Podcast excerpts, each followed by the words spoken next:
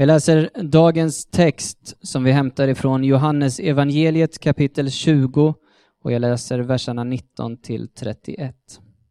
På kvällen samma dag samlades lärjungarna bakom stängda dörrar av rädsla för de judiska ledarna. Då stod plötsligt Jesus mitt ibland dem och sa till dem Frid vare med er. Så visade han dem sina händer och sin sida och deras glädje visste inga gränser när de såg sin Herre igen. Han talade till dem och sa som Fadern har sänt mig, så sänder också jag er. Sedan andades han på dem och sa till dem Ta emot den helige Ande. Om ni förlåter någons synder så är de förlåtna, men om ni vägrar att förlåta dem så blir de inte förlåtna. En av lärjungarna, Thomas tvillingen, hade inte varit med vid detta tillfälle. När de gång på gång berättade för honom, vi har sett Herren, svarade han, jag tror det inte förrän jag med egna ögon ser hålen efter spikarna i hans händer. Och jag vill ta på dem med mina fingrar och med min hand vill jag röra vid såren i hans sida. Annars kan jag inte tro. Åtta dagar senare var lärjungarna samlade igen och då var Thomas tillsammans med dem och dörrarna var låsta. Men plötsligt stod Jesus mitt ibland dem och sa Frid vare med er. Sedan vände han sig till Thomas och sa Här är mina händer, sätt ditt finger här och stick din hand i min sida. Tvivla nu inte längre, utan tro. Min Herre och min Gud, utbrast Thomas. Sedan sa Jesus till honom Du tror därför du har sett mig. Lyckliga är de som inte har sett mig men ändå tror. Jesu lärjungar såg honom göra många under, andra under förutom de som är nedtecknade i denna bok. Men dessa är nedskrivna för att ni ska kunna tro att han är Messias, Guds son, och för att ni ska få evigt liv genom att tro på honom. Detta är Guds ord till oss idag. Varsågoda och sitt. Tack Linus. Påsktiden. Eh, tiden efter påskens otroligt speciella händelser. Och för Jesu lärjungar så, alltså minst sagt så var väl det här en enormt omtumlande tid. Så påsktiden som sträcker sig efter påskens händelse fram till Kristi himmelfärd och sen in i pingsten. Så är det ju verkligen sådär för lärjungarna. Man utgår, man försöker, sig, försöker ställa sig och, och se med deras ögon på det som sker och det som händer. Så har vi ett antal lärjungar här och specifikt då en lärjunge som, som verkligen brottas. Och eh, påsktiden, de här 40-50 dagarna som, som eh, löper på fram till Kristi himmelsfärd. Eh, det är egentligen ja, men en enorm glädje, men det är också en tid av väntan. En tid av väntan och eh, ja, men bara tillit. Förtroende, har tillit till ja, men Jesus. Det han har sagt, det kommer. Löftet om anden som vi, vi hör om och den här hjälparen som lärjungarna får fått talas om. Att han, Jesus, skulle komma till dem fast på ett annat sätt med sin ande. Och det här med tålamod, tänker jag. Det är en dygd, kära vänner. Ni som är småbarnsföräldrar, hur känns det? Tålamod. är det lätt att vinna tålamod? Bönen går ungefär, Gud, ge mig tålamod nu. Det är så lätt att hamna där att vi, ja, tålamod är kanske inte direkt det som vårt favoritord. Vi vill att saker och ting ska gå snabbt. Mat ska gå snabbt och, och sen ska man få njuta av det såklart. Resa ska gå snabbt, kommunikation ska gå snabbt. Bara namnet Instagram. Insta, instant och gram då från grekiskan något skrivet eller ett budskap, alltså ett omedelbart budskap. Instagram. Det ska gå snabbt. Vi ska vara med nu. Längtan efter de snabba klippen. Den snabba karriären eller ja, vad det nu är för någonting. Till och med Guds församling. där så vill man att saker och ting ska gå snabbt. Vi orkar inte med en för lång predikan. Jag ska inte predika för långt idag. Det får inte bli tyst. Det är jobbigt. Vi vill bli underhållna. Och det ska kännas bra. Och det ska vara givande och praktiskt användbart på måndag. Vi är enormt styrda av det ska gå snabbt och jag vill se resultat, gärna med en gång. Vi inser mer och mer att vi har en hel del att lära och att ta del av den historiska kyrkan. Och det komiska kan vara ibland att vi närmar oss den historiska kyrkan som är ett par tusen år gammal, mm, ish, snart 2000. Och det ska gärna, förändringen, förvandlingen och närmandet ska ske på, på en månad. På ett par veckor. På, det ska gå snabbt, allting. Precis allting. Och vi har en enorm... Saker och ting måste ändra sig. Jag blir trött av att göra samma sak och, och rutiner och traditioner. Det finns väldigt mycket att säga om det. Och jag tänker bara, innan jag går vidare, att, att eh, vi har väl kommit att, att söka en, ett både och. Den historiska kyrkan har en massa skatter som, som vi vill åt. Samtidigt så lever vi och Gud kallar oss inte att vara Eh, att, att få vår föda och få vårt liv och vår bekräftelse från den här världen, men vi är kallade att leva här. Inte bara kallade, utan vi har inget val. Och jag, jag satt och funderade lite grann på just det här både och. Vi väljer inte det ena eller det andra, utan det både, både och. Jag skrev ner några saker som jag tänker är signifikant för United Stockholm. Kanske inte unikt, jag hoppas inte det. Men jag, jag, jag tänker att det är, det är det som jag längtar efter, mycket av det jag längtar efter. Att kyrkan, församlingen, ska vara strukturerad, men inte stel. Livfylld, men inte formlös. Passionerad, men inte hype. Karismatisk i den sanna meningen, men inte, men inte flaky. Djup, men inte utan botten. Rytmisk, men inte slavisk. Tillväxt, men inte på bekostnad av tillit. Historiskt förankrad, men inte tom ritualitet. En församling där vi hyllar Guds story på söndagen och lever Guds story i veckan. Det här med att saker och ting går snabbt, tillbaka till det då. Det är klart att det är något stjärnskott och någon lägger ut en video på Youtube och blir automatisk kvadriljonär på mindre än 10 sekunder. Det är klart att det händer idag, märkligt nog. Eh, men vi lyfter kanske fram de här exemplen, ett, för ofta, och två, med fel motiv, inte sällan. Vi tänker att plötsligt händer det. Bara gör allt för att det ska hända plötsligt. Frågan är bara när vi tar in det här i det kristna livet och i vår relation med Gud.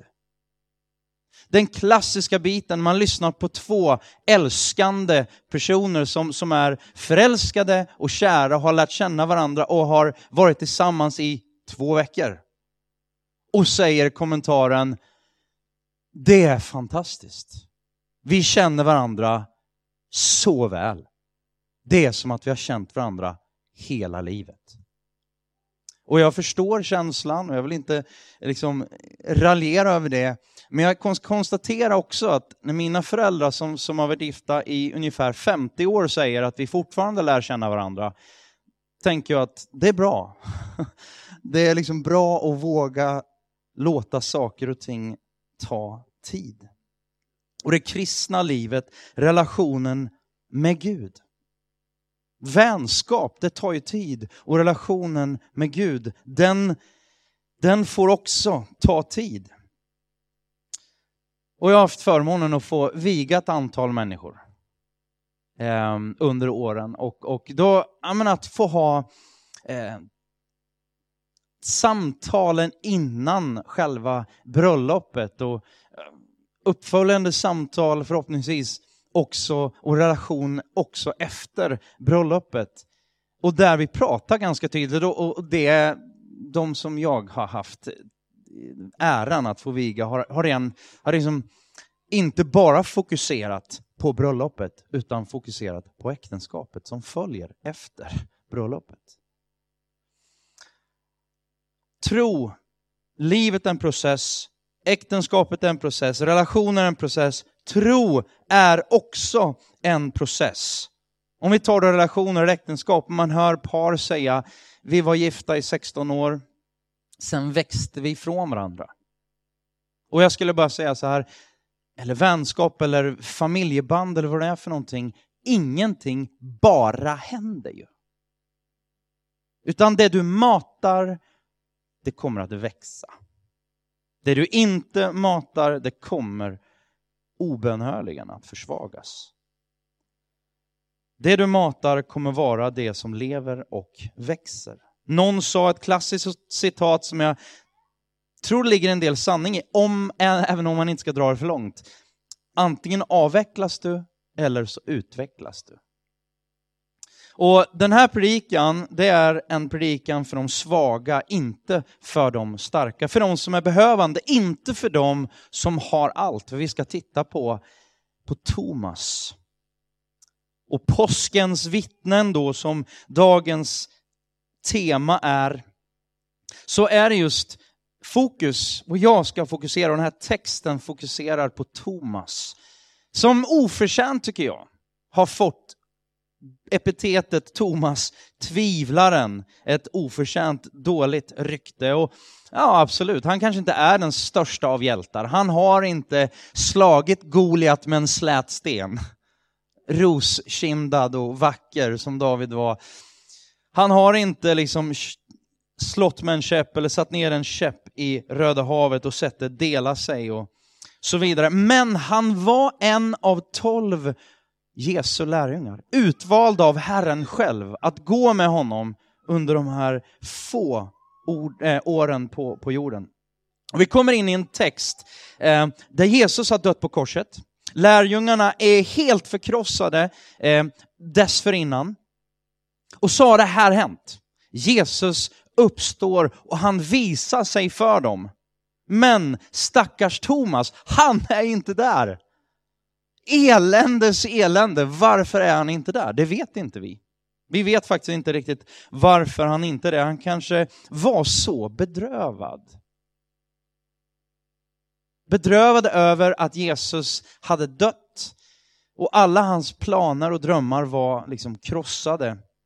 Vi vet inte eh, riktigt exakt hur det var. Men vi kan läsa om Thomas och man vet inte jättemycket utifrån eh, Bibeln sådär, vem, eh, familjeförhållanden och härkomst och samhällsställning etc.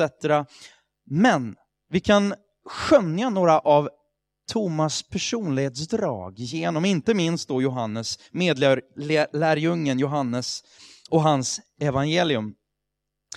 Och vi ser då till exempel när, när Jesus han, han, ska väcka Lazarus från de döda och han därefter då tillkännager sin avsikt att bege sig mot det fientliga Jerusalem. Det var jättefarligt. Jesus hade ju fått, han, han levde ju under mordhot vid den här tiden. Och lärjungarna söker liksom, Jesus du behöver inte gå dit. Gå inte till Jerusalem.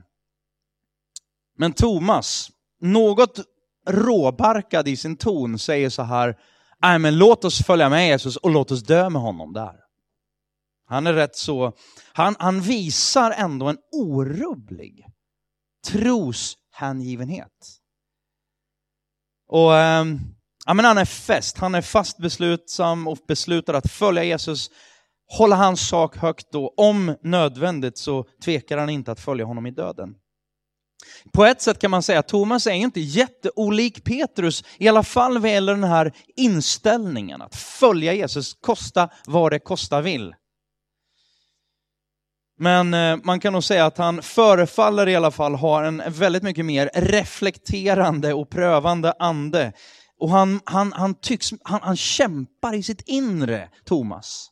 Han kämpar i sitt inre, han kämpar sig till visshet, han är förvisso orubblig i sin tro på sin mästare, men, men för honom, det måste vara äkta. Han kan inte bara köpa hypen. Han kan inte bara köpa de andras ord på att hans mästare har uppstått. När eh, Jesus i sitt avskedstal säger till lärjungarna, eh, och vägen dit jag går, den känner ni. Då invänder Thomas, Herre, vi vet inte vart du går. Hur ska vi då kunna känna vägen? Det tycks vara så att han, han, Thomas var en realist. Det, det, var liksom inte så här ord och fluffiga grejer, det var liksom inte hans grej. Han bara, vad menar du? Vart ska vi? Och Jesus var ju gång på gång ganska otydlig. Och så slutligen så läser vi den här texten då, Johannes 20, där Thomas inte bara bekänner sitt tvivel, utan det landar ju faktiskt i hur hans tvivel hävs, hur hans tvivel besegras och han uttalar en enormt stark trosbekännelse, min Herre och min Gud. Det råder inget tvivel om att han bekänner Jesus som Guds son, som Gud själv. Och jag vet inte, du kanske känner igen dig mer hos Petrus, eller i Petrus, den, den, den store glödande entusiasten som kan låta sig hänföras av sina känslor. Eller så kanske du är mer lik Thomas, som inte alls så lätt låter sig hänföras på något sätt. Men samtidigt oerhört överlåten till Jesus och sina vänner. Och han vill inte eh, nöja sig med någonting mindre än att vara 100% äkta. Det som båda de här två herrarna hade gemensamt, det var ju att de båda misslyckades. Eller de båda tvivlade. Petrus, han förnekade Jesus och Thomas kunde inte tro vittnesbördet om Jesus fast Jesus själv hade berättat om det. Fokuset, beslutsamheten att följa Jesus. Nummer ett, vi har alla, och det vi kan lära oss av Thomas, Thomas liv och Thomas, den här situationen med Thomas från Johannes 20 är ett par saker, men jag vill lyfta fram några saker. Olika utgångslägen. De hade ju alla olika utgångslägen. Och faktum är, innan jag går vidare, den här texten eh, från Johannes 20, den var, den var instrumentell och jätteviktig i början av när vi flyttar upp hit och början av Uniteds resa, där vi pratade mycket om att gå från press till process, att låta saker ta tid. Och det är fortfarande lika viktigt. Men vi har olika utgångslägen. Johannes evangeliet 20-24. En av lärjungarna, Thomas, som kallades för Tvillingen, hade inte varit med vid detta tillfälle. Ja, men en klassisk så bild som jag, som jag inte sällan tänker på själv. Alltså GPSen. Om jag ska ta mig till Gästrikegatan från, ja, från eh, Södermalm eller från Solna så kommer GPSen att ge mig helt olika riktning. Eller hur? För den utgår ju hela tiden inte ifrån var du borde vara eller sådär bara vart du ska, för den utgår ju primärt och främst tar den reda på vart du är. Det här var du är då, ja det är ju väldigt skönt att inte GPSen säger bara pucko, du borde vara där, säg till mig när du kommer dit. Eller nu har du kört fel. Vilket, vilken eländig människa du är. Utan då säger de bara, min gamla GPS hade så bra, bra röst, recalculating, varenda gång man gjorde en, en sväng som inte stämde med GPSen så bara recalculating. Och det finns någonting i det där som är väldigt bra. Omvändelse kan vi kalla det för. Eh, alltså ingen av oss har ju varit med om samma saker. Vi formas, våran tro, kom inte här, jag, jag kom inte här och säga att nej, min, min tro formas inte på grund av det jag varit med om. Såklart den gör. En, en vän, när vi var 18, 19, 20 så var det en kompis till mig som kom till mig och det kunde lika gärna varit jag, men det var så skönt att det inte var jag just den här gången. Så kommer han till mig och så säger han så här, alltså jag förstår inte alla de här människorna som, som, som bara, de läser Bibeln och de verkar ha så här tjocka glasögon och de ser ju inte vad som står. Det är ju skillnad med oss. Vi ser ju precis vad som står där. Är det inte uppenbart? Ödmjukt. Härligt, eller hur? Så här. Mm, man har kommit en bit där, därefter. Om man tror att, nej men jag har inga glasögon. Nej men jag ser ju faktiskt hur det verkligen är. Någon sa, fråga en tonåring om, om livets stora frågor. Fråga innan det är för sent, innan de inser att de inte har svaret på alla frågor. Beroende på uppväxt, miljö, umgänge, livserfarenheter, vad vi har gått igenom, vad, vad som har hänt oss. Ett par väldigt nära vänner till mig, deras son Jonathan, han fick cancer när han var ett år. Det var ett otroligt slag mot hela familjen. Det var en, ett slag mot allt som de hade hållit högt av tro och övertygelse. Och det blev en enorm kamp, men de trodde Gud, de bad och vi var jättemånga som bad, såklart. Mitt i den här härvan också så var min pappa också sjuk i cancer, dock inte ett år utan typ 60 år. Och mitt i allt det här så går tiden och, och, han blir bättre, Jonathan, då, den här, han blir två, tre. När han är tre år gammal då, då kommer det tillbaka med kraft och han får amputera ett ben. Och när han är fyra år så går det inte längre att, att, stävja och de kan inte rädda lilla Jonathan, han dör fyra år gammal. Det märks på dem att, att de har varit igenom någonting, är ni med? Det var enormt tufft för alla, speciellt den nära familjen och självklart de som föräldrar. Vad finns det för svar? Det finns ju bara ett stort frågetecken. Och den som, inte, den som bara vill hypa upp någonting och bara vill ha de enkla svaren på sakerna, den kommer att misslyckas. Det blir icke trovärdigt. Och det märkliga är att Bibeln säger att Gud är god ändå. Jag ska inte säga att det är märkligt, men jag kan ju tänka mig att det där, det där känns väldigt långt borta i vissa situationer. Jag garanterar att du sitter här och du kan nog pinpointa kanske en eller två eller tre olika saker i ditt liv där du känner Gud, var är du i den här situationen? Gud, varför, varför låter du mig gå igenom det här?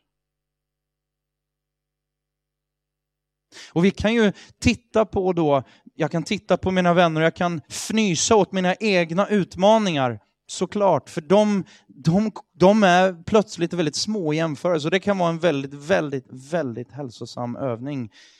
Om jag nu kan drista mig att kalla det ens för det, men livet tvingar sig på oss.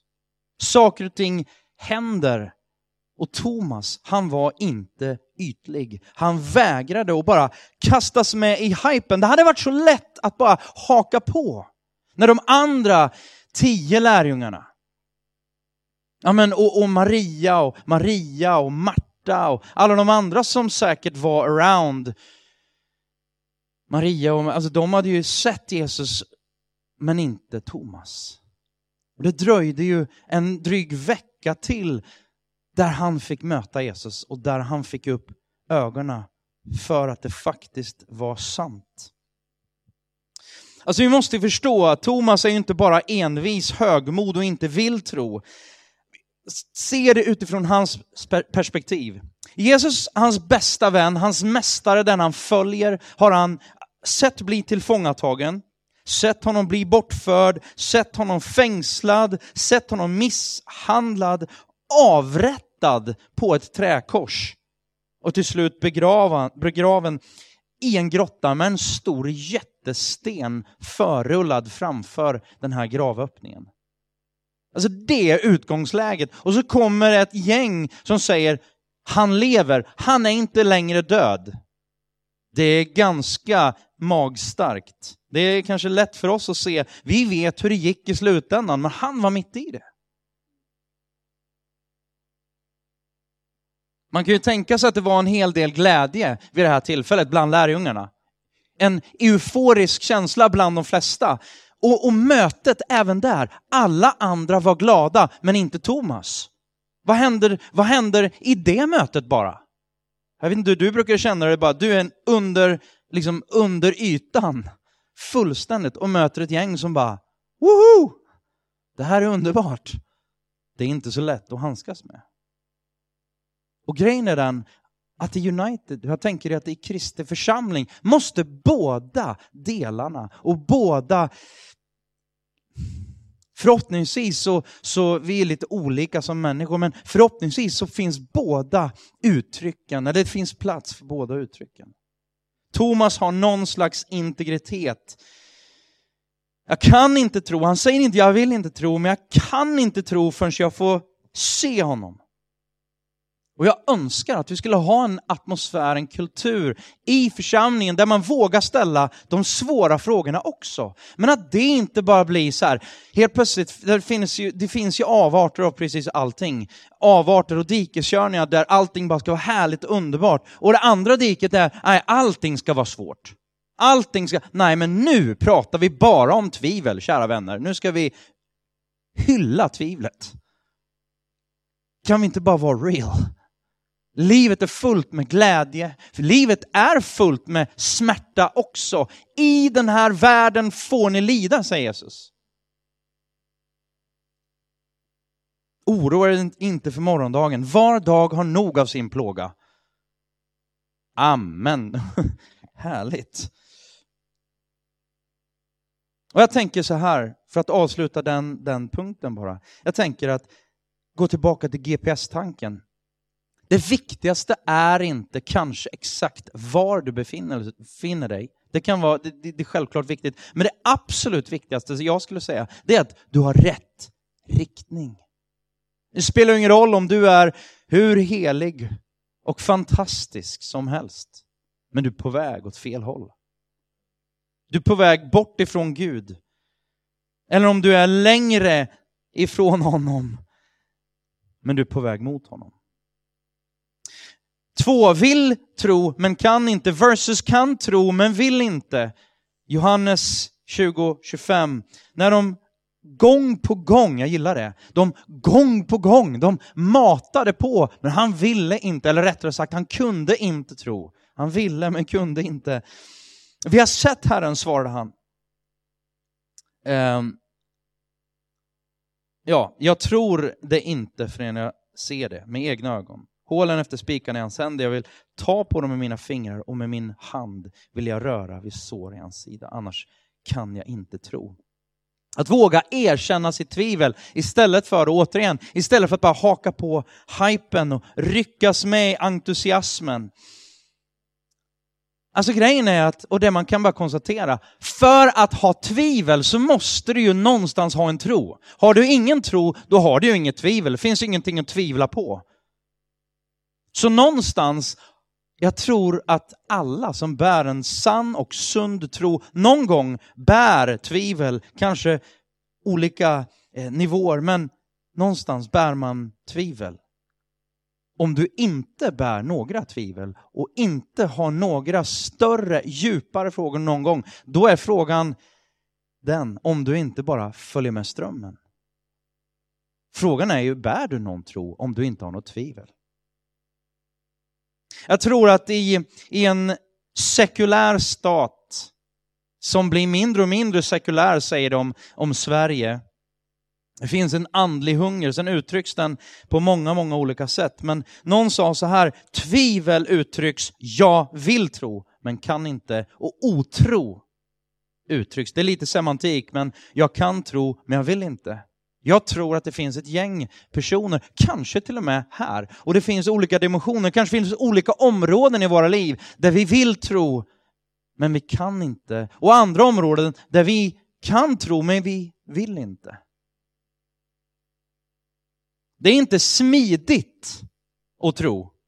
Det är inte politiskt korrekt. Det är inte inne. Det är stor skillnad på den längtande som vill men inte kan, som brottas och den som egentligen inte alls vill. För det låter konstigt. Bara det inte kostar någonting för mitt personliga varumärke. Det är för hög kostnad. Jag kan men jag vill inte. Markus 9.24, vi predikade om det för ett par veckor sedan, när den här fadern vänder sig till Jesus och han, han är helt han är helt... Eh, han har panik. Lärjungarna försökte hjälpa och bota hans son som, som faller i elden och försöker ta livet av sig. Han inser att det är demonisk verksamhet i, han, i den här sonens liv. Och han vänder sig till Jesus och säger, om du kan, gör någonting. Om du kan, säger Jesus. Jag tror, utropade fadern, hjälp min otro. Tvivlet, kära vänner, verkar inte vara problemet för Jesus. Frågan är vart du är på väg. Det är frågan. Sista punkten. Tro för att tillhöra eller tillhöra för att tro. Johannes evangelium, de sista, eh, mot slutet av den här texten då, åtta dagar senare var lärjungarna samlade igen och då var Thomas tillsammans med dem och dörrarna var låsta. Men plötsligt stod Jesus mitt ibland dem och sa, frid vare med er. Sen vände han sig till Thomas och sa, här är mina händer. Sätt ditt finger här, stick din hand i min sida. Tvivla nu inte längre, utan tro. Som sagt, kanske var anledningen till att Thomas inte var där när Jesus kom första gången. Att han var så djupt bedrövad, han kunde inte förmå sig att komma till en samling med lärjungarna. Han var så djupt bedrövad. Men vad är det som gör att han stannar kvar i gemenskapen? Jesus riktar sig, det står så tydligt i vers 27, han riktar sig, Jesus direkt när han har frid vare med er, sen vänder han sig till Thomas. Han visste att Thomas behövde det. Men vad är det som gör att han stannar kvar i gemenskapen? För han delar ju inte vare sig lärjungarnas tro vid det fallet. Ganska stor deal. Att säga i en kyrka, ja, jag tror att Jesus var en historisk gubbe, men jag tror inte på uppståndelsen. That's a big deal. Ganska avgörande kan man säga. Typ allting hänger på det. Men han, han delar inte deras tro, han delar inte deras erfarenhet, ändå är han kvar. Och jag tror så här, jag tror inte det är för mycket att säga så här, jag tror ett, jag tror att han har, han har förtroende för sina vänner. Och på ett sätt så går han på sina vänners tro. Han tror på deras tro, if that makes sense. Och där har du också en del av styrkan i Kristi kyrka. När vi tar ton och vi bekänner vår tro, trosbekännelsen, vet du vad? Då handlar inte det längre. Varför gör vi det varje söndag? I som en, en, en röd matta går vi in, eller Gud lägger ut en röd matta och vi får bekänna vår tro. Vi går in på den här röda mattan, in i nattvarden. Och det är bekännelsen, trosbekännelsen. Jo, det är därför att du och jag ska inte hänga upp våran tro på det jag känner, det du upplevt, det du har för åsikt hit och dit, utan vi får hänga upp när i slutet av dagen, när, när, när allting annat har fallit åt sidan, då finns det en tro kvar. Som står där, som vi kan luta oss emot. Och som är Jesus Kristus såklart och evangelium tydligt. Jag vet inte om jag tror på det du tror, men jag tror på dig. Jag vet inte vad jag tror. Just nu brottas jag, men jag tror på det som kyrkan har bekänt i 1500 år plus. Naturligtvis i 2000 år grundar sig nej men de här trosbekännelserna. Thomas, Thomas trosbekännelse, Petrus trosbekännelse och så vidare. Jag tror också att han, varför stannade han kvar i gemenskapen? Jag tror att det var ett, ett, en, en, ett mått av, om det här är sant, då är det värt att vänta på. Då är det värt att ta reda på. Eh, var, var befinner du dig i dina tvivel? Söker du eller har du bara, du bara släppt? släppt?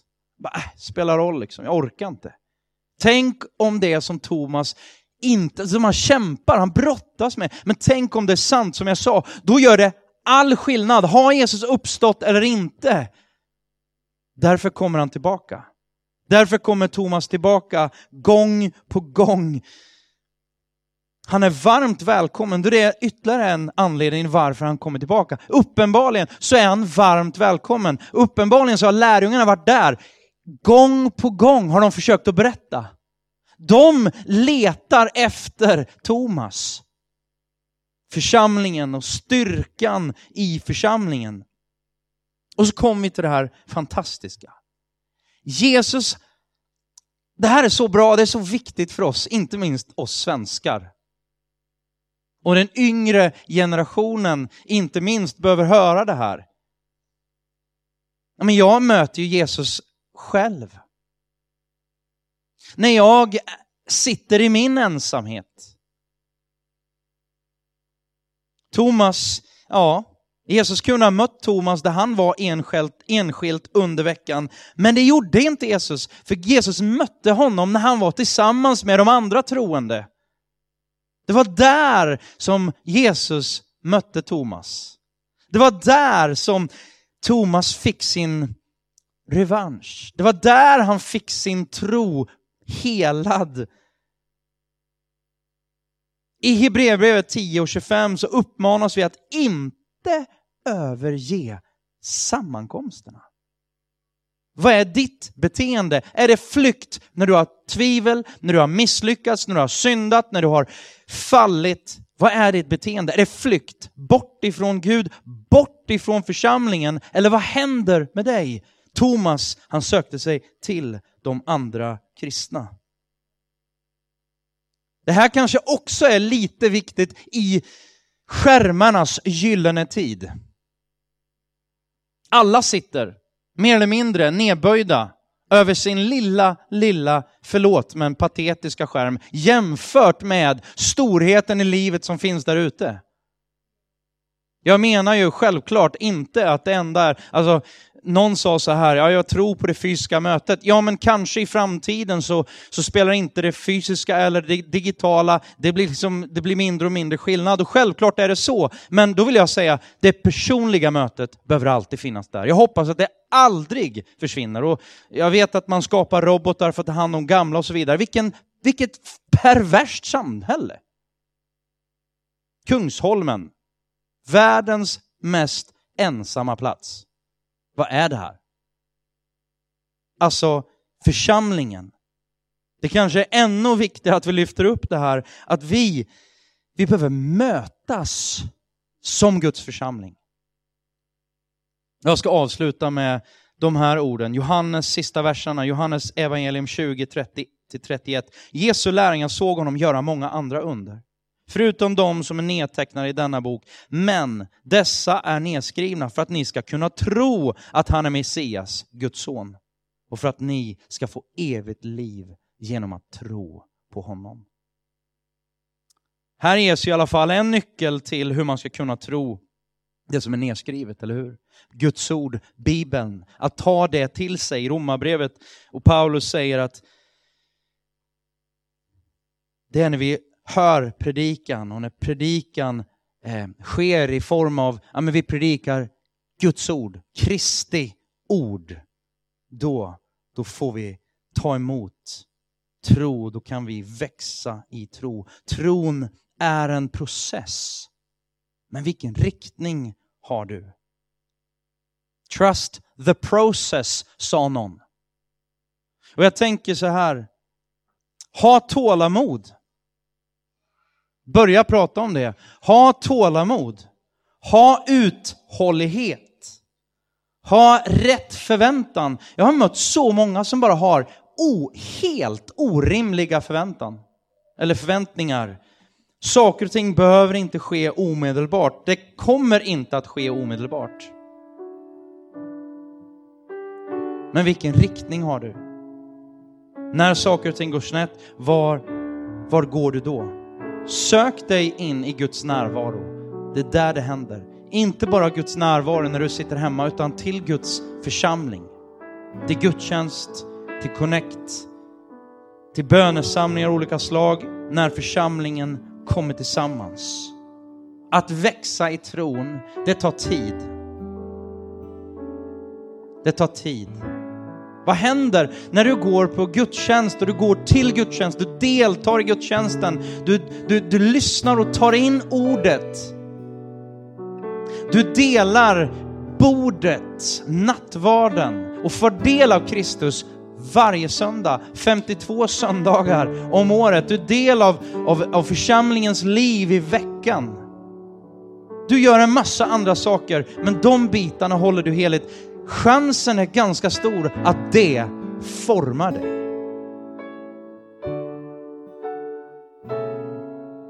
Låt oss vara som Thomas som inte ger upp.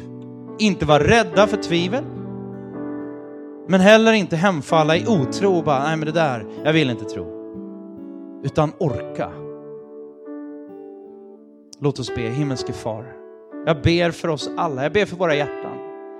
Jag ber att du skulle hjälpa oss, Herre, att inte vara hårdnackade, hårdhjärtade, där vi bara vänder oss bort ifrån dig. När vi går igenom tom, tomma saker och tider av tomhet och hemska situationer uppstår och, och, och, sjukdom och död kanske till och med möter oss i livet. Himmelske far, ge oss kraft, ge oss styrka. Att inte bara lägga oss platt inför de utmaningarna utan söka dig. Det är lätt att tro när allt går bra, när allt går min väg. Men Gud, Hjälp oss att vara som Abraham, där det står när allt hopp var ute, då trodde Abraham. Hjälp oss att tro dig, att ha förtroende för dig, att ha förtroende för det du lovat, att du också kommer att infria de löftena.